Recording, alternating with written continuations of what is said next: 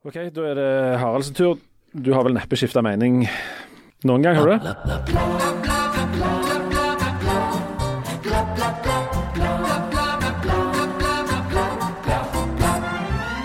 Jeg vet jo hva som er rett og hva som er galt. Og det har du alltid visst? Aldri lagt ut på? Det har jeg alltid visst. Så nei, jeg har, jeg har ikke Ja, noe det var spennende. Skal vi gå, da? Ja, dere kan bare gå. Jeg kan jeg sitte her og ha 40 interessante minutter om eh, meg sjøl.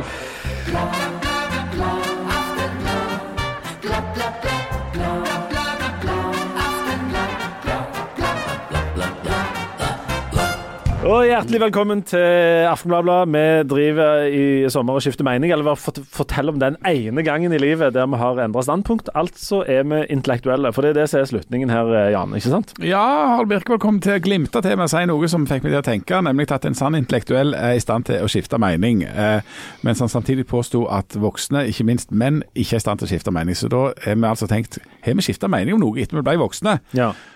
Og i dag er turen kommet til Harald Birkevold. Harald Birkevold, den intellekt... intellekt smarte mannen. Jeg har en gang hørt deg bli beskrevet som en intellektuell langgrunn strand.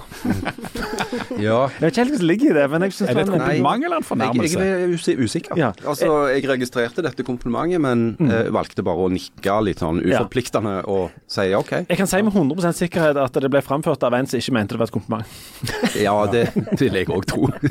De fleste som sier noe om meg, eh, sier ikke komplimenter. Nei, nei. Nei. Men Harald, du kan nok av og til framstå som en nokså sånn eh, sikker mann, som eh, er velsigna med hele vedet, og eh, har jo drevet lang tid og kommentert, og fortalt alle folk der ute hvordan ting egentlig henger sammen, og hvordan ting er. Jeg lurer på hvor irriterende jeg egentlig er.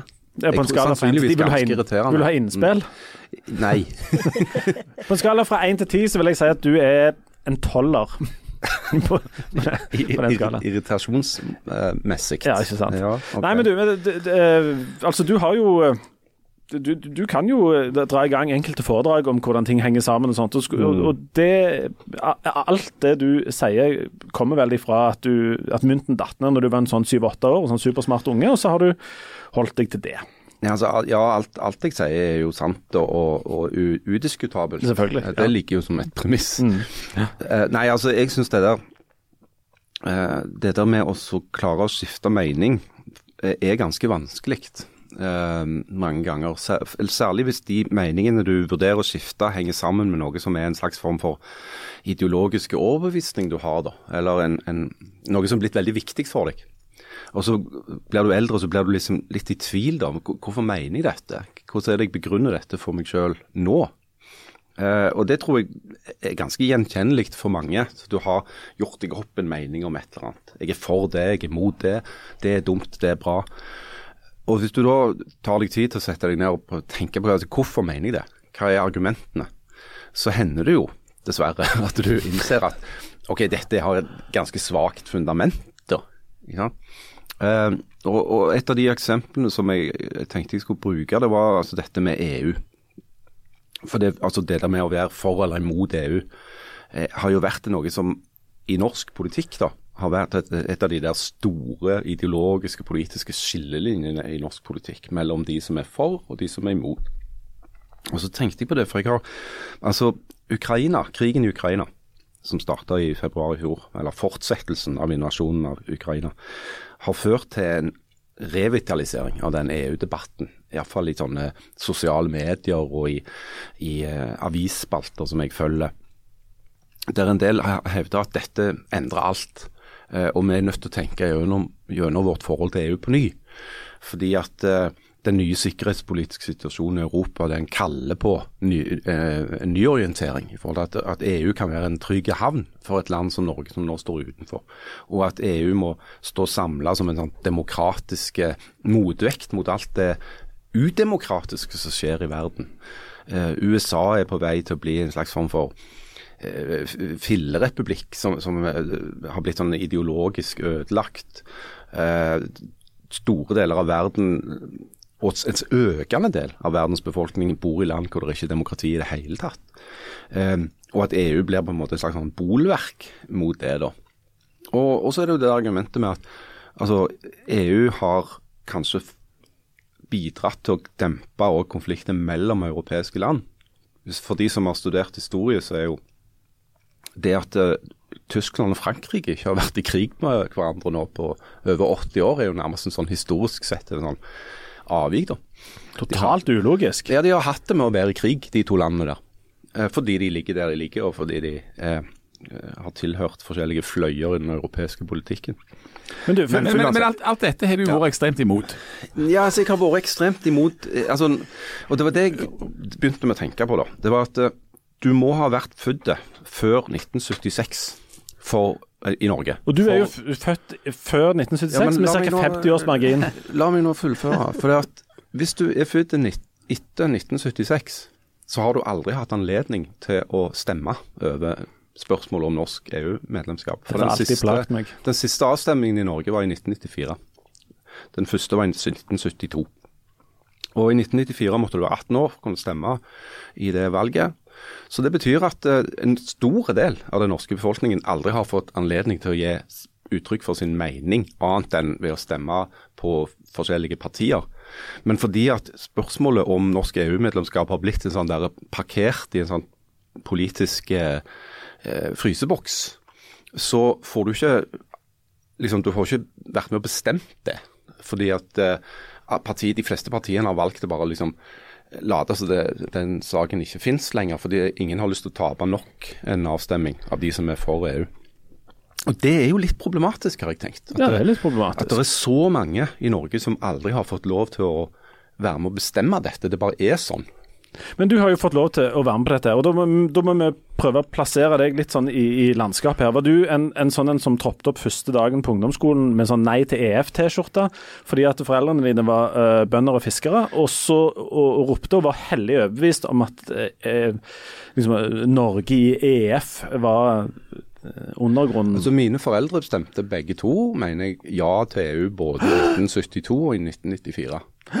Jeg stemte imot i 1994, med stor overbevisning. Jeg var ikke i tvil om hva jeg skulle stemme i 1994. Hvorfor ikke? Nei, for det er at EU eh, da representerte alt som den politiske venstresida var imot. Eh, altså tap av nasjonal selvråderett, eh, overføring av makt til en blind institusjon i Brussel som skulle overkjøre den norske suvereniteten. Eh, og legge til rette for eh, at markedene skulle rykke inn og kunne ødelegge livsgrunnlaget for norske industriarbeidere, bønder og fiskere. Og Du tilhørte denne, denne eh, venstresausen i, i, Norge som tenkte ja, da, at dette var feil? Da var jeg ganske langt nede i venstresausen, ja, ja, kan du si. Ja. Sånn at i 1994 så var det ikke noen tvil i min sjel om at nei til EU var det eneste rette, og vi feira jo dette som gale oppe i Bergen der, ikke sant? når det viste seg at det nok en gang var et eh, flertall mot EU. Og Janne og Jan, jeg bare spør, var dere, var dere på de samme liksom, feiringene som Jan var etter denne EU-avstemningen og, og, brant for dette spørsmålet og feirte med champagne når det ikke ble? Jeg husker vi hadde invitert noen folk som var på begge sider av eh, eh gjerdet, og jeg hadde bakt eh, EU-kake. Hvordan ja, til, ja, til EU-kake, da. Ja. Hva, hva, hva slags kake er det? Det var ei, um, ei langpannekake. hvor jeg hadde skrevet EU med Nonstop. Bare EU, ikke ja eller nei? For du var for Jeg tenkte at jeg ville, jeg ville beholde samholdet i klassen. For du var for? Ja. Og Jan var for? Stemte ja i 94? Sikkert. Ja, altså jeg, jeg måtte tenke, hvis jeg får avdra litt sånn resonnement på hva, hva, hvor jeg havna hen der. For jeg var da eh, i Bergen. Der var det et, et sterkt venstreradikalt miljø som eh, Harald eh, har vært inne på her, og der var det ganske unisont nei til EU. Sånn at folk var veldig engasjerte i det og demonstrerte og sånt. Og så merket jeg med meg selv at jeg er jo faktisk ikke enig i dette her. Sånn at jeg var jeg kom fram etter grundig gjennomtenkning til at jeg var for EU. Og argumenter for det var for meg at mange av de største problemene i verden var overnasjonale. Altså ikke noe du kan ordne med en nasjonal regjering. Eh, de krevde overnasjonale løsninger. F.eks. Eh, klima. Eh, det får du ikke løst med at ett og ett land setter seg det. Da må det noe felles til. Det andre argumentet mitt, som var enormt viktig, og kanskje det viktigste, var det motsatte av det som ble framført av nei-sida, nemlig dette med liksom selvråderett og demokrati. Jeg mente at det var det sterkeste argumentet for EU, det mener jeg fremdeles i dag, eh, er demokratiargumentet. At du må være med der som beslutningene blir fatta. Du kan ikke sitte på utsida. Eh, sånn sett i EØS er vi jo altså nå tilknytta EU på alle slags vis, bortsett fra at vi har stemmerett. Det er ikke et argument for å melde oss ut av EØS, EØS fordi da, og dette er jo et argument, Norges økonomi er ekstremt tett knytta til markedene i Europa, og det er en god ting. Jo, I 1994, når, sist gang vi altså kunne si hva vi ville om dette, når du bakte sånn langpannekaker og bare skrev EU da, eh, bare For å plassere meg selv oppi dette, da hadde jeg det var ikke så lenge siden jeg hadde spist ei sånn langpannekake der det sto 'Hurra, Leif Tore 14 år'. Mm. Så du fikk ikke være med? Så jeg, jeg, er en av de som ikke fikk være med. Jeg var fremdeles bitter på at Silvio Fauner hadde slått Bjørn Dæhlie i den der stafetten i OL i Lillehammer. Sånn. Dette er jo ganske lenge siden, men jeg hadde jo på en måte ikke noen stemmerett. Men eh, jeg husker stemningen rundt det der greiene, og det var ganske hardt. Eh, ja. Jeg husker veldig få som sa ja, når det kommer til EU, der er jeg veldig i tvil. Mm. Det, var, det, var, ikke så mange som sa det. virker som om folk hadde plassert seg ganske hardt på den ene og den andre sida. I min slekt var det mye eh, bønder, og åpenbart mot. Mm. Altså, skulle, det var ikke snakk om, og, og Senterpartiet hadde vel en slags sånn glansperiode her.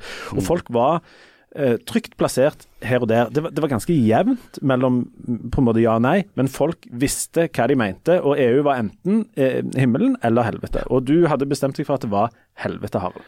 Ja, eh, jeg hadde jo det. Eh, og, og sånt Anne Inger Lahnstein, uh, nei-dronninga, hun ble jo en slags landsmoder for, for EU-motstanderne. Men så var det jo òg det at uh, jeg tror jo at langt flere var i tvil enn en du kan kan jo få inntrykk av den gangen. fordi at de som var veldig for og de som var veldig imot, jo, dominerte jo hele debatten. Uh, men i midten så befinner seg det, det jo alltid en sånn sjikt av folk som er litt sånn ja, på den ene siden, på den andre siden. Og så var det jo tilstrekkelig mange av de da som falt ned på nei til at det ble nei. Ja, det var jo 52-48, noe sånt. Mm. Men det som det har ført til, uh, som jeg nevnte i stad, det er jo at det, spørsmålet om norsk EU-medlemskap har liksom blitt lagt i en sånn politiske fryseboks. Det er partier som har sånn prinsippvedtak for og imot, men det er jo ingen som våger å, å fronte denne saken igjen. Fordi jeg tenkte, det blitt nei en gang til. Og, og meningsmålingene tyder jo på det. Altså, Hvis, hvis eh, nordmenn i dag hadde gått til urnene, f.eks. i valget i, i høst, da, at det var et sånt tillit, tilleggsspørsmål der om ja, hva syns du forresten om EU, så hadde fortsatt, Når vi først har deg her, ja, så hadde det fortsatt vært et flertall imot, tyder det på. Og da kan jeg jo forstå at partier som er i utgangspunktet for, f.eks. Høyre, f.eks. ledelsen i Ap, er litt sånn Nei, jeg tror kanskje ikke vi gjør det. For de har ikke lyst til å fremme dette spørsmålet en gang til eh, og tape. Um, men så kan du spørre, hvis du vil, altså hvor demokratisk er det da? At uh, den politiske eliten i dette landet lar være å reise spørsmålet fordi de er redde for å tape. De vil heller holde oss i et slags EU-limbo inntil videre, helt til de er sikre på at de vinner avstemmingen. Hvor, hvor demokratisk er det, da? Men etter 1994 så har jo du knapt hatt en hel natts søvn fordi du har gått og tenkt på dette med EU og liksom, EØS og liksom, mm. Dette har knukt på deg. Det har gnukt. Um, og uh, du, hold, du, du, stemte nei, og hvor lenge holdt du på det? Altså, hvor, hvor lenge var det den eneste farbare veien for din del? Uh, Helt fram til Ukraina-krigen? Ja, si, si, at det hadde blitt uh, uh, en avstemning nå, da. Mm. Si at de hadde sagt nei, 3.11.2023, da er det EU-avstemning på ny i Norge. Gå til urnene og si hva du vil. Da, da er jeg fortsatt sånn det kan godt være jeg hadde stemt nei en gang til, Oi. men jeg hadde vært ekstremt mye mer i tvil enn jeg var i 1994. Det kan òg være jeg hadde stemt ja. Og, og det som hadde vært kronargumentet mitt for det, er at eh, altså vi er jo på, for alle praktiske formål med i EU allerede. Bortsett fra at vi ikke har stemmerett, som Jan påpeker. EØS-avtalen gjør at alle lover og regler som blir vedtatt i Brussel, gjelder i Norge. Uh, det, det, er faktisk flere regler som blir gjeldende rett i Norge som blir vedtatt i Brussel, enn som blir vedtatt i Stortinget i Oslo uh, per år. Og Det kan være alt mulig fra sånne dilleste forskrifter om, om krummingsgraden på bananer, eller størrelsen på kumlokk, eller um, what have you. Overspenningsvern i ladebokser for elektriske biler, som vi nå nettopp har oppdaget kan være en ting. Um, altså Alt det der kommer jo fra utenfra. Og Da er spørsmålet er, er, det, er det bra, da? Hvor demokratisk er det at vi er underlagt alle disse reglene uten å få lov å være med i, i det fellesskapet? Men Har du skifta litt mening her, eller har du mer kapitulert? Nei, jeg har skifta litt mening òg. For det, det, som kanskje er et enda viktigere argument for meg, det er det der med EU som en freds- og demokratiskapende enhet.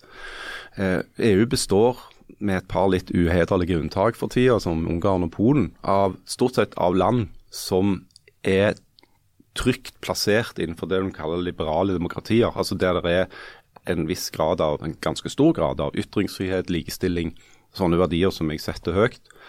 Eh, og så er det et fravær av krig, eh, som jeg syns er ganske greit. Det er du for? Eh, jeg er litt for det. Du er mot det før, men nå er du for? Ja. Eh, sånn at i en litt sånn guffen verden, hvor veldig mye av utviklinga går litt feil vei for tida. Eh, det er, som jeg sa, altså antidemokratiske stater er på fremmarsj i verden. Flere og flere folk bor i land hvor de ikke har de frihetene som vi setter så høyt. Så kan EU være en form for bolverk mot det, da. Så det er noe av det som ville ha trukket meg mot å stemme ja til EU denne gangen. Og det som er hovedproblemet mitt med å stemme ja, er de som er for EU. Janne. Hva er det som er galt med Janne? Ja, og han, resten Og av handels... Altså, jeg vet det er mye galt med meg, men Janne Og handelsstanden din. Altså, Sandnes Næringsforening. Du nevnte det en- en gang, Jan. Uh, altså, de der som syns det er flaut å feire 17. mai. Altså, de, de Husker den der Ja, eh, ja, ja, ja. mongolen? Han, han som har bodd i Oslo. Sant? Jeg, jeg kom til Stavanger, jeg får ikke puste. Mm. Sant? Det er så trangt her. Uh, altså, de som, de som har blitt europeere i, i sjel og sinn, og, og syns at det er noe provinsielt og smått og litt flaut. er de fra. Haugesund, Ja, de Sant? Ja, det, nå, nå er jeg jo jeg Pål Jackman i Mongoland. Sant? Altså, altså, den gjengen der, altså sånn Erling Fossen-aktige urbanister uh, som ikke faen om det smalt, forstår hvordan det er å være industriarbeider eller bonde eller fisker i dette landet og ha en vanlig jobb og være utsatt for disse her markedsvinnerne fordi at du er i konferanseutsatt sektor i Oslo og, og tror at det er verden, eller at det er Norge. Det er det jo definitivt ikke. Sånn at Et av de største problemene mine er med den gjengen av sånne liberalistiske urbanister som jeg ikke har noe til felles med. Eh, og det andre er den der gjengen som har hatt sånn der, eh, hva heter det, Erasmus-stipend. Jeg tror, jeg tror Erling Fossen er sosialdemokrat. Han er Ja, ikke whatever. Altså, altså, du vet hva jeg mener. Eller de som har hatt sånn Erasmus-stipend og er liksom enormt eh, De er sånn der, har sånn stjerner i øynene når de snakker om, om Brussel og Paris og, ikke sant, og alle mulighetene. Og de har, lyst til, de har så klart at de har lyst til å bli EU-byråkrater. Eh, og sitte der inne i, Brussel og i komitémøter hele dagen og heve noen jæklige lønninger eh, som jeg skal være med å betale for, for at de skal sitte der nede og, bestemme ting. Og allikevel har du langt på vei skifta mening om dette, sant? Men altså, men bare for å si det, Dette er jo sånn et trassalderargument. Det er ikke argument. Jeg ser også at det kan være ubehagelig når du ser rundt deg hvem du er på lag med, eventuelt, men, men dette er mer sånn fuck you-argument. Det, er jo ikke det er jo ikke noe som er rasjonelt. Jo, jo, det er rasjonelt i den forstand at det tror jeg forklarer veldig mye av altså den motstanden som, som EU Nå tror jeg ringer til, fra EU til deg, Harald. For, Altså den motstanden som EU og EU-tilhengerne vekker i mange, det er den der Du kan kalle det en form for trassalder, men, det- men det er det der med Altså det der norske. Sant? Altså, nei. Altså, Du sier at dette er fornuftig, men jeg liker ikke deg. Så derfor er jeg imot det likevel. Ja, Men, men så, Janne, har har ditt syn på EU endra seg, eller tenker du noen gang på EU lenger? Ja, jeg er fremdeles for. Ja, på, Jeg har vært for hele tida. Eller var kanskje litt mot en liten periode hvor folk var veldig sånn Nei, men det går så bra med EØS-avtalen, så kjekt å være med på den. Og jeg merket jo at vi fikk gå i de gode køene på flyplassen. Så da er jeg litt for det. men, hva- men hvorfor er du for? Fordi at eh, jeg tenker jo eh, og, og dette er jo litt sånn ehm, eh, Ja. Jeg tenker at jeg er for fordi at eh, jeg enig Det virker logisk på meg at det er best å være med og ta beslutningene sjøl, og ikke sitte på gangen. Det syns jeg er et godt argument. Syns jeg at eh, det er trist å se Altså, det er jo mange ting som har skjedd med UK men, men, men, brexit er jo en ganske sånn katastrofale ting i det samfunnet. Eh, og så syns jeg òg at Ukraina har betydd mye for hvordan jeg har sett på EU. Jeg har vært for hele tida, men eh, det har gjort meg enda mer EU er, EU er en vanskelig sak å diskutere av mange grunner. For det første er det jo for en vanlig, helt vanlig person ekstremt vanskelig å sette seg inn Altså å sette seg inn i EU det er helt mm. umulig. sant? Bare altså, å forstå hvordan EU er organisert. Ja, det er jo så komplisert at det minner jo om Romerriket. Det er jo en fulltidsjobb. Så vi, for, for, de fleste, når vi skal prøve å snakke om EU, så må vi liksom kappe ned og liksom rasjonalisere litt med argumentene og sånt. Og et, et argument mot EU, som vi ofte hører i Norge, er at ja, vi klarer oss jo så godt, så vi trenger ikke være medlem i EU. Vi har, altså, Se hvor godt vi har det, vi står ut forbi, ergo skal vi ikke gjøre det. Samtidig så er det jo sånn som du Harald sier, at EU er på en måte snikinnført i snikinnført Norge. Altså, vi er jo litt sånn de facto medlem allerede. Mm. Men for å ta det der med det er interessant når folk som er opptatt av solidaritet og internasjonal solidaritet, hvis du da peker på og sier at det går så greit godt med oss når vi slipper å, å være med i dette her greiene her, det er jo det motsatte. Det er jo ren egoisme. Og det er liksom at vi, vi har en helt enorme velstand, og det går kjempebra for oss inni der, for vi kan bare drive og selge og holde på. Eh, så da skal vi ikke være med i det solidariske prosjektet. Mm. Men så har det skjedd noe under EU, EU, altså eh, under, når Ukraina kom, så har det skjedd noe med både Nato og vårt forhold til både Nato og EU. Er det, er det sånne ting som på en måte kunne tippa det for deg, Karl? Ja, helt sånn pragmatiske argumenter om sikkerhet og stabilitet kan vippe det for meg. Men samtidig, til det Jan sier, at vi, Eh, vi skal bli medlemmer i EU i en slags solidaritet med jeg vet ikke hvem, Romania. Altså Belgia, tenker jeg mye på. Belgia. Men du kan òg velge å, å, løfte blikket enda mer og si at EU er jo en rikmannsklubb. Det er en organisasjon av noen av de rikeste landene i verden. Eh, som lager en økonomisk enhet som kanskje ikke nødvendigvis er til fordel for land som står utenfor, f.eks. i den tredje verden. Uh, og Det har jo vært òg en del av den norske EU-motstanden, har jo handla om det. At EU er en, uh, en slags ja, rikmannsklubb som en ikke ønsker å være med i, fordi at en heller ønsker å ha samarbeids- eller handelsavtaler med andre land. Pussig nok så var EU på et vis jeg skal ikke si det er grunnen til at jeg jobber i Stavanger Aftenblad, men de første artiklene jeg hadde på trykk i Stavanger Aftenblad, hadde med EU å gjøre. Fordi at jeg bodde i Spania i to, nei, i 1994, eh, på våren der. Ja, For du fikk ikke puste i Norge? Fikk ikke puste, det var så enormt trangt. Det var så trangt, ja. men, men, eh, men, da var jeg i kontakt med, med, Tom Hetland, som på det tidspunktet var politisk redaktør eh, i Aftenbladet, eh, og som var interessert i, og, og som jeg da tilbød å sende noen artikler om, hvordan ser disse forhandlingene mellom Norge og EU ut ifra Spania?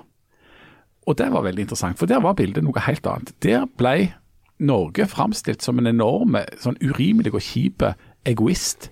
Det der eh, som ble sagt i forhandlingene, at ikke en fisk til EU. Altså Vi gikk mm. inn i forhandlingene No Fish Olsen. Ja, ja No Fish Olsen. Vi skal, ikke, vi, skal ikke gi en eneste fisk. Ingen, skal, ingen fiskere fra Europa skal få lov å fiske noen av våre fisker. Det er våre fisker, de som er ute i sjøen der. Ja. Det ble jo i lenger sør i Europa sitt på som en enorm egoisme og kynisme og enormt kaldt eh, og kjipt eh, folk. Og Der var det ganske løye å skrive tilbake til Stavanger Aftenblad. Men du fikk en litt sånn europeisk dimensjon på det. da. Ja, for sånne spanske rovfiskere, altså disse, disse spanske industritrålerne, de, de, er jo, eh, de er jo en form for eh, altså Mor Teresa blekner jo i forhold til de i, i sin godhet eh, og, og, sin omtanke for økosystemene i havet. Ja. Og, og Der har du jo en interessant, sant, der har du den interessante polariseringa. Der nede blir det, er det sitt på denne måten, her oppe blir det framstilt på denne måten. Men Harald, du um, eh, Sammenligner en politikk på en måte. Det er, det er.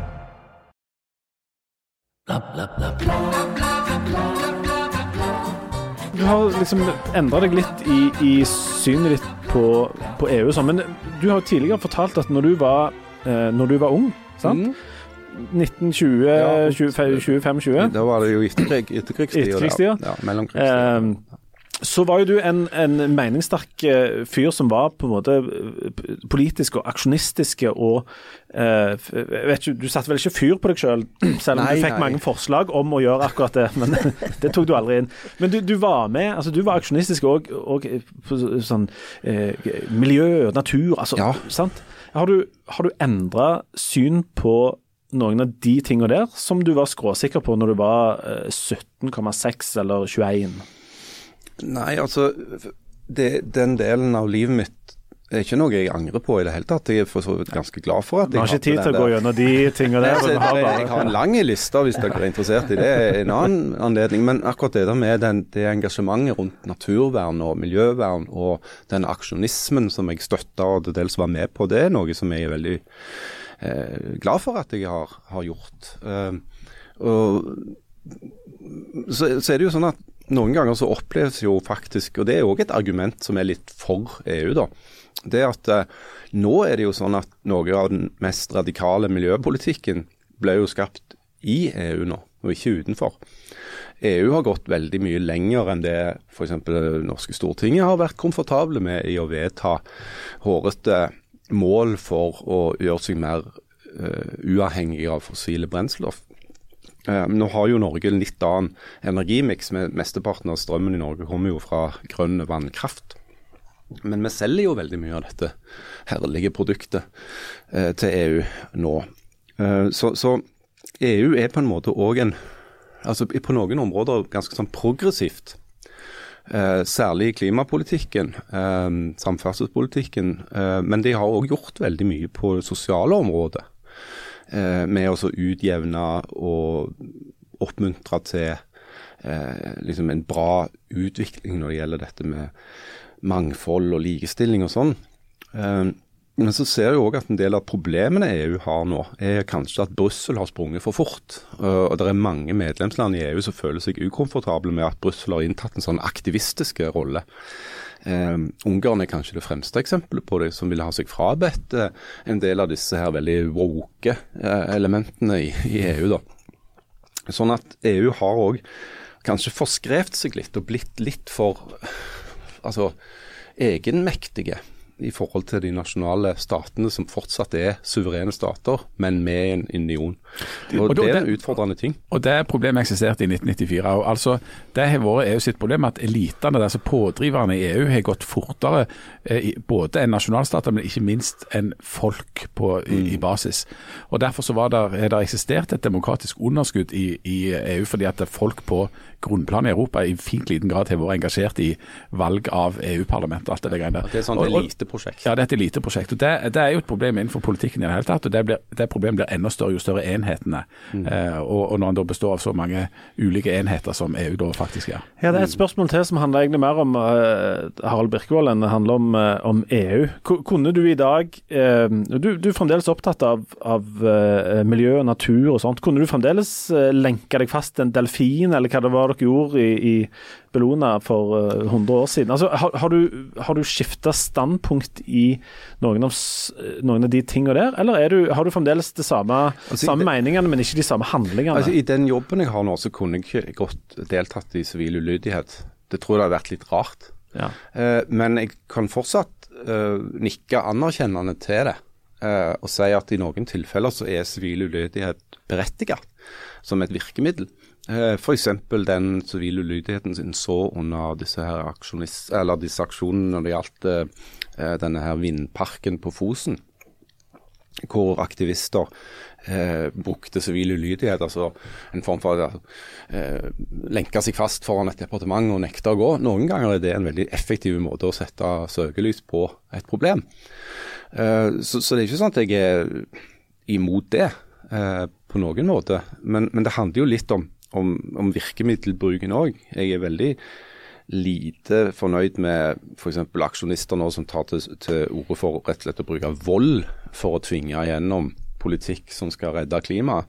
Jeg tror det er direkte Vil kontraproduktivt. ikke heve maling på Munch-bilder og liksom uh... Altså, hærverk er ikke Altså, Sivil ulydighet og hærverk er to veldig forskjellige ting.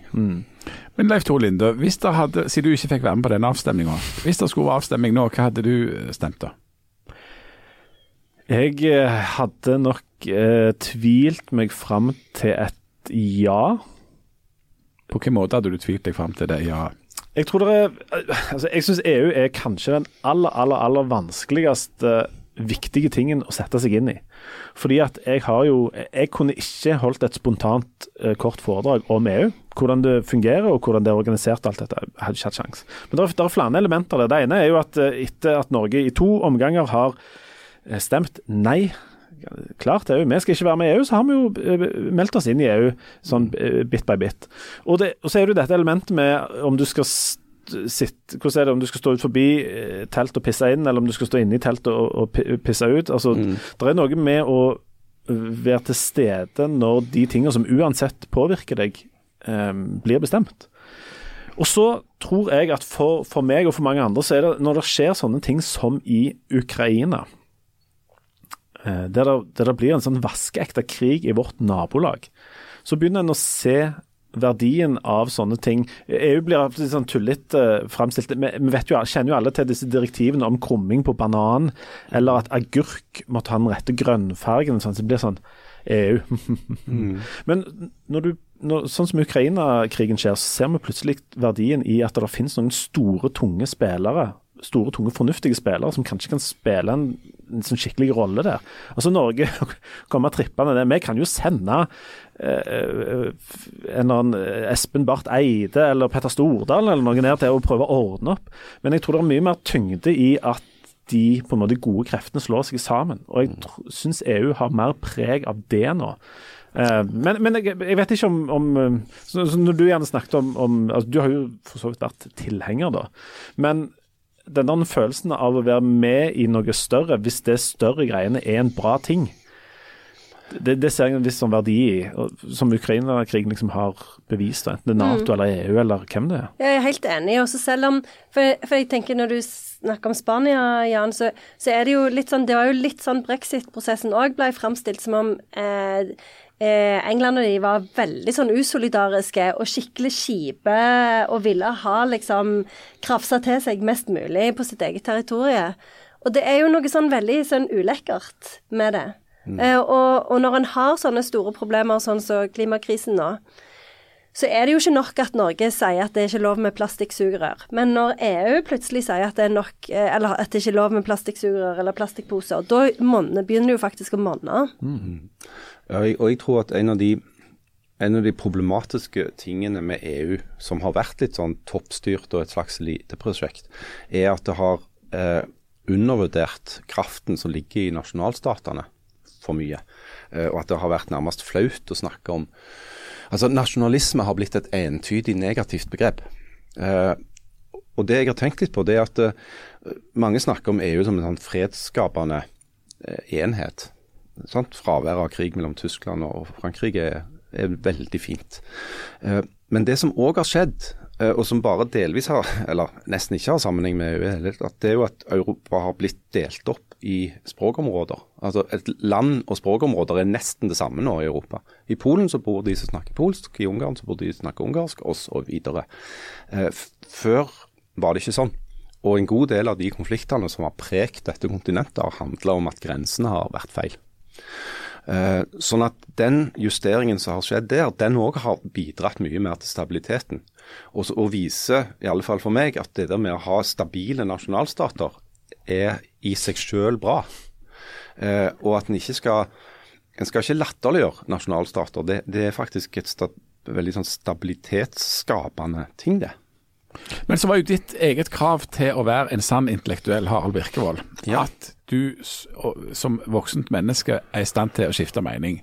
Og Da har vi kommet i den litt uh, underlige situasjonen at i denne podkasten så har du ikke skifta mening, du er kommet i tvil. er du da en sann intellektuell Harald Birkevold? Nei, altså det, det, er vel altså det er Veien er mot målet, da. ikke sant? Altså Det at du i det hele tatt er kommet i tvil om noe som jeg var så 100 overbevist om i 94, det kan skyldes minst to ting. Det ene er at jeg har blitt eldre og bare, bare være sånn generelt i tvil om alt. Så det skjer jo. Uh, selv om jeg har hevda at du blir mer skråsikker, så blir du jo òg mer i tvil. Uh, og det andre er vel at jeg, jeg, anerkjenner nå argumentene i mye større grad. Altså, jeg, jeg anerkjenner at det er en rekke riktig så gode argumenter for norsk EU-medlemskap som jeg ikke var villig til å anerkjenne i 1994. Det er en komponent som du Jan nevnte her, og det er jo alder. Altså, jeg er jo den som er minst langt opp i alder her. Alder er bare et tall. Nei, det er ikke. Nei, det er ikke. Jo, det er tall som viser hvor nærme døden du er. Det er tall som viser at konkret. du er nærmere døden. La oss bevege oss videre. Fordel, nei, fordelen med å. Nei, fordelen med å bli eldre er, eh, tenker jeg, at du kan leve ganske godt med og ikke vite alt mulig. Ikke være så skråsikker. Du kan innta en litt sånn Bjørn Eidsvåg-aktige sjalala. Vi bare jazzer litt rundt her, og så eh, prøver vi å gjøre, gjøre så godt vi kan. Men for, det er en del av de tingene som du tenker når du er ung at dette er jeg 100 sikker på, så blir du mer og mer i tvil. Og det er ikke alltid at du bikker liksom over til å mene det motsatte av det du mente før, men du rett og slett ser at dette er for det første veldig komplisert, og så får jeg leve med at jeg ikke, ikke vet helt. Dette er litt tilbake til eh, nærmest X-Fill, eller min, min gamle gode professor Bernt Hagtvedt, eh, som jeg har drukket for. Han rocka med han helt ut. Ja, ja, for, for dattera mi på, på avslutning av grunnskolen, eh, hun hun skjems voldsomt da.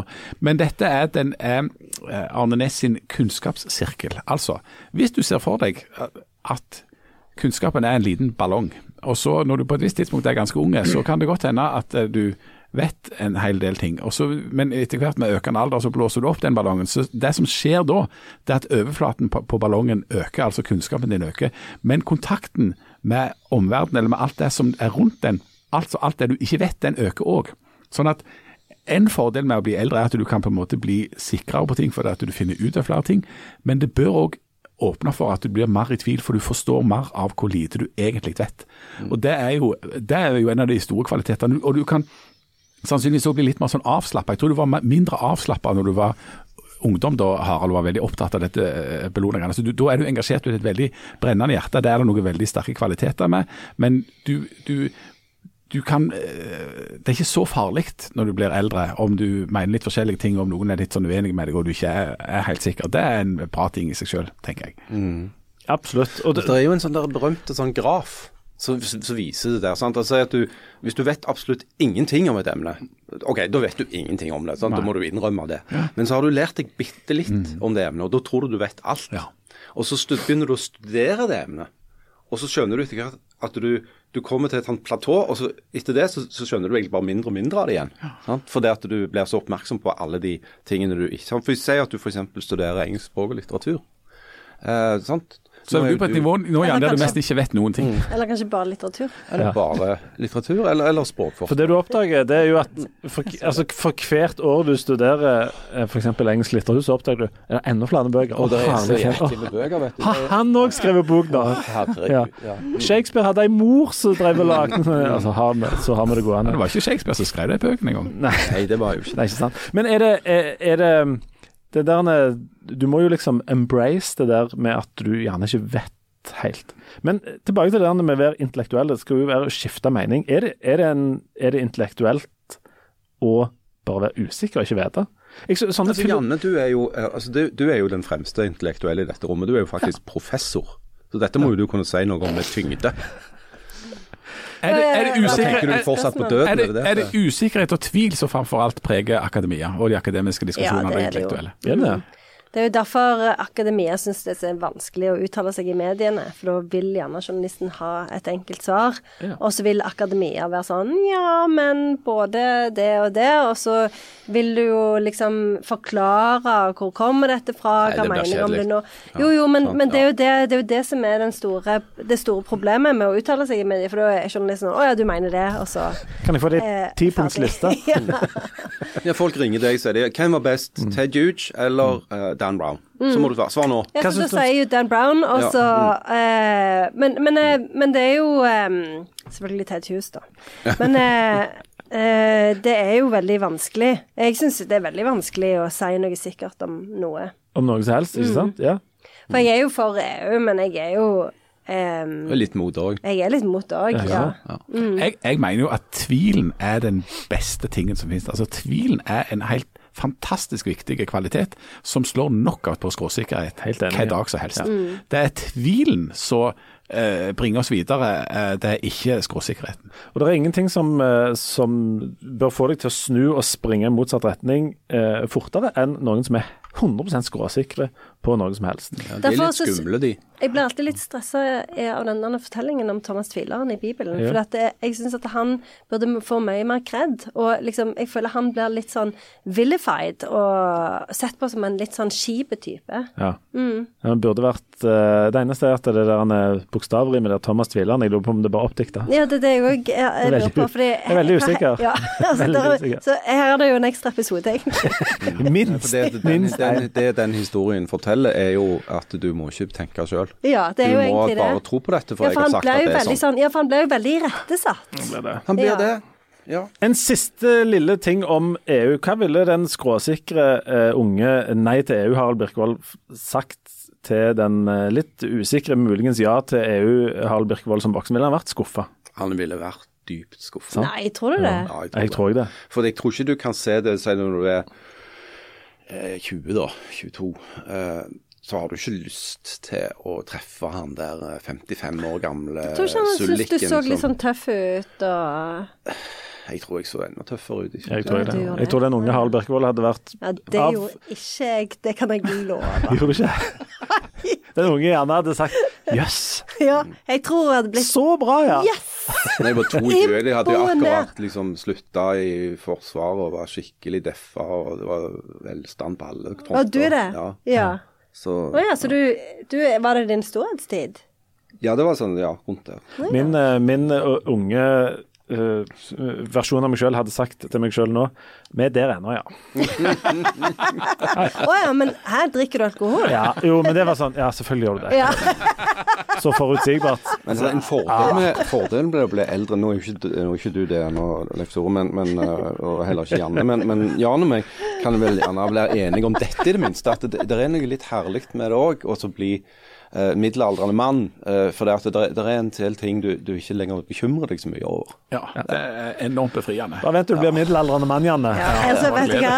Det er noe av det jeg gleder meg aller Altså, nå kan jo du bli en middelaldrende mann bare ved å erklære at du er det. Så Ja, ja. Det har jo blitt et framskritt her i verden. Ja. Bare en aller Jeg, men jeg må vel kjenne meg som det. En aller siste ting til våre lyttere. Den, eh, hvordan lager du sånn EU-kake? Sånn, ikke sånn pol, Ikke sånn, eh, sånn som liksom eh, politiserer EU-debatten, men bare EU-kake som- der det bare er EU. Er det Ja. sånn surmelkskake du lager? Nei, det, jeg er jo ikke, var jo ikke så ava. Eh, Det var jo bare ei vanlig sjokoladekake. Altså, altså, Med sånn belgisk sjokolade, da. ja, ja, selvfølgelig. Ja. Mm. Eh, jeg har jo vært ganske mye i Belgia, fordi ja. På grunn av søskenbarnet det mitt med bodde der. sjokolade. Ja. Så eh, Men jeg anbefaler det jo å eh, Jeg lagde, brukte jo ganske mange Nonstops, det vil jeg jo anbefale, sånn at alle får en Nonstop, når de, at det ikke bare er en, en liten sånn EU Midtpå. midt på. Da ender du opp med at en Og så er det vel mye sånn genmodifiserte ingredienser. Da. Ja, ja, det er jo jeg er jo glad i det. Selvfølgelig. Vet du hva vi gjorde i 1994? Jeg var jo som sagt eh, Du fjor- tenkte mest 14 på år. Bjørn så Dæhlie, Ja, vi tenkte mest på Bjørn Dæhlie. Men vi, vi hadde jo om EU på skolen, og da og, og jeg, eh, jeg er så gammel at vi drev og lagde sånn veggavis og sånt. Og da skulle, vi, skulle, vi, skulle det lages noen sånne greier. Da lagde vi sånn tok vi et sånt svært ark og så masse sånn EU-ting, og så skrev vi på øverst, så sto det 'Hei til EU'. Norsk Dysleksiforbund. og så fikk vi anmerkning, da. Men, Vet du, vet du hva vi gjorde i 1994? Nei. Vi skulle arrangere utdrikningslag for en kompis som skulle gifte seg. Vi var inne på uh, Europabevegelsen sitt kontor Ellevilt. Uh, i Stavanger. Uh, løy og sa at vi skulle ha et ja til EU-arrangement, uh, om vi kunne få låne eh, EU-flagget. Det fikk vi. Eh, så eh, kledde vi ut han her eh, karen i av en, eh, Det forstår fremdeles ikke sånn, sånn froskemannsdrakt. Eh, det er jeg litt usikker på hvorfor. Og så måtte han gå over Brautsletta med det der EU-flagget heva. Og biler stoppet og snudde og prøvde å kjøre over den. Altså. Så eh, Du kunne tatt livet av han. ja, kunne det, så han måtte bredt sett passe på der. Så reiste vi opp på Tinghaug på Jæren, og han sto og veiva med dette her flagget. Der kom Høyeste punkt i Klepp kommune. høyeste punkt i Klepp kommune. Der kom, der, eh, kom altså grunneieren illsinte og skulle ha oss vekk derifra og skulle begynne å argumentere. Det som var Problemet var at han som skulle gifte seg, het Tor Christian Karlsen. Han ble senere sorenskriver. Eh, eh, sånn at, og, og, og hans andre venner som studerte juss og var kommet ganske langt, så de kunne holde noen korte foredrag om dette med allemannsretten og dette med fri ferdsel og regelverket for at det var mulig å være her. Og så, eh, og så reiste vi til Brynetorg, og der hadde vi lagd noen pamfletter der vi argumenterte for der han måtte stå i sånn stand i sånn froskemannsutstyr eh, og argumentere for EU. Vi hadde lagd en pamflett der, vi, der den eneste argumentasjonen var for at vi skulle innføre et kontinentalt drikkemønster. eh, ja, dette, ja. Og tingen er, altså, er at det, var- null ironi for de som så dette. og Så delte vi ut, så ut eplejus i, i, eh, i noen små plastkopper. Og, og, og de som kom der Dette at det ble delt ut eplejus og det står en mann i froskemannsdrakt eh, Så deler ut pamfletter som er helt absurde, det fungerte ikke. De var rasende. Det mitt poeng. altså de, eh, Det er det som er en av problemene med EU-tilhengerne. så jævlig irriterende. Ja. EU-motstanderne kan òg være litt, Ja, kan. eh, litt spesielle. Men dette er jo sant, dette er jo grunnen til først fremste grunnen til å ikke gå i, kirke og holde på med sånne ting òg, er jo Ja, de som som den, Det er jo den gjengen du havner i. Ja, Det- det kan Den være eh, slitsomt. Jesusgjengen, ja. Mm. Jeg, midt, på mitt utdrikningslag så ble jeg jo dumpa i, på sånn sommerstevne på Sarensdal. Nede i, Kvinesdal der, der var det jo 18 000 sånne pinsevenner som gikk rundt flagget. Der fikk jeg, ble jeg tatt fra alle klærne og utstyrt med sånn hvitt lagen. Og så eh, med et skilt der det sto 'Følg meg'. Så skulle jeg gå rundt på Sarensdal i sånn Jesus-kostyme. Sånn, 'Følg meg'-skilt. Det var det til sammen åtte stykker som syntes var løye. Det var meg og de syv andre.